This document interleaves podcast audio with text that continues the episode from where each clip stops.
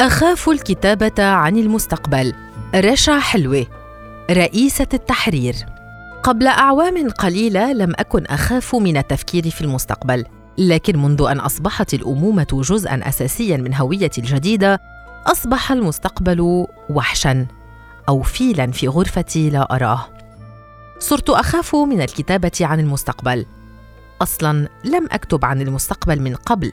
مع أنه كان حاضرا كحلم جميل كأمنية أو حتى كمجهول عادي. كان حاضرا في أحلام فتاة من عكا تريد أن تفتح أبواب مدينتها من جديد ويعود ميناؤها طبيعيا تمر من خلاله المسافرات من بيروت إلى الإسكندرية. الحلم مربوط بالمستقبل لكنه آت من الماضي. كان المستقبل أيضا حاضرا في أمنية الفتاة نفسها وهي على مشارف الثلاثين كان أن يبقى والدها حيا وأن ينتصر على هيداك المرض وأن يكون واحدا من مرضى سرطان البنكرياس الذين حظوا بالعيش أكثر من خمس سنوات بعد التشخيص. توسلت إلى المستقبل آنذاك أن يرحمني أو يرحم أبي أو يرحمنا من يقين الموت. اليقين المبني على الدراسات والأرقام ولا ينبئ بمستقبل زاهر ابدا. كان التفكير في المستقبل أيضا حاضرا عندما أحببت مصريا وأنا ما زلت أعيش بين عكا وحيفا. كان يبدو على شكل حب ينجح فيه كل شيء كما في الأفلام حتى أنه ينتصر على إسرائيل ليصبح السفر أسهل وبلا فيزا. وبلا شرطي مصري ينتظرني عند باب الفندق كي يسألني عن تحركاتي لأن معاهدة السلام المصرية الإسرائيلية تنص على واجبه في حمايتي أنا الفلسطينيه حامله جواز السفر الإسرائيلي. لا يهم. كان المستقبل هناك أهبل. كان تفكيري في المستقبل عمليا عندما قررت أن أحمل حقيبة واحدة وأترك فلسطين.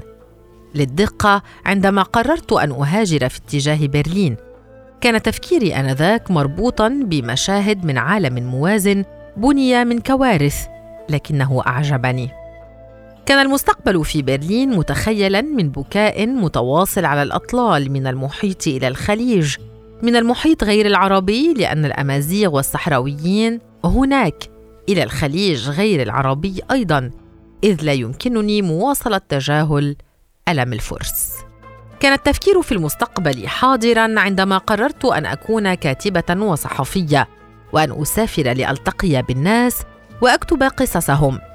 الناس في بلادي أو أولئك الذين خارج الحدود التي فرضتها إسرائيل على قلبي وعلى سريري أيضا. كان المستقبل أيضا هناك في غرفة صغيرة في مركز جماهيري في عكا القديمة أو الحقيقية. كنا نجلس على شكل دائرة خمس أو ست عكاويات مع مرشدتنا. تحكي لنا ماذا تعني النسوية باللهجة العكاوية. لا أتذكر شيئا من حديثها لكني أتذكر أني أردت أن أكون مثلها امرأة قوية وجميلة وبنت بلد. كان المستقبل أيضا حاضرا عندما تعرفت إلى من سيصبح زوجي فيما بعد. أو للدقة كان حاضرا عندما تزامنت بداية قصة حبنا مع بداية جائحة كورونا. صار المستقبل على شكل مدينة جديدة وحمل وولادة تاركا كل ما أعرفه عن حياة خلفي.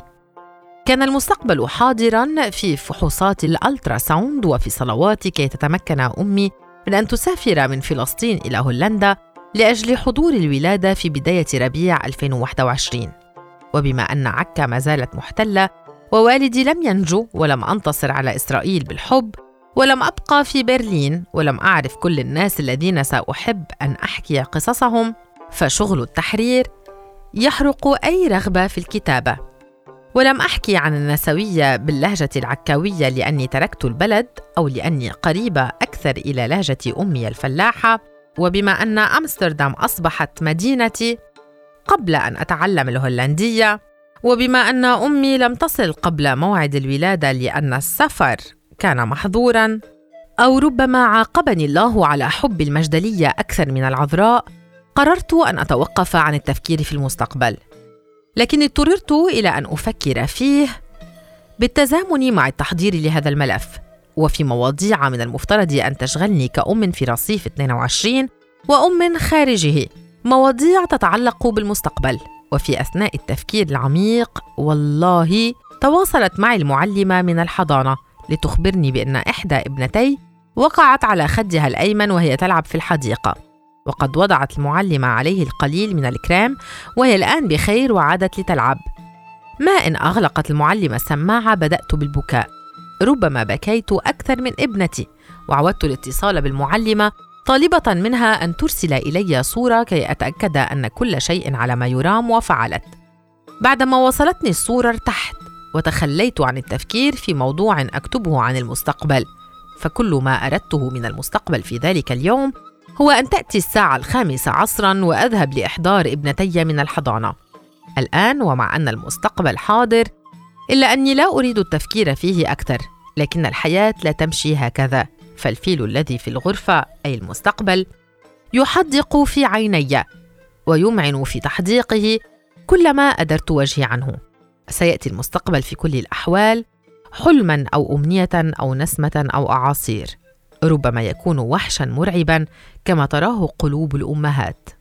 سأصلي وسأتشفع بالمجدلية علنا هذه المرة ليأتي عطوفا ومطمئنا كصوت المعلمه عبر الهاتف وإن بلغة أجهلها صوت يخبرك في أثناء إبلاغك عن ألم شعرت به ابنتك بأن الأمور ستكون على ما يرام.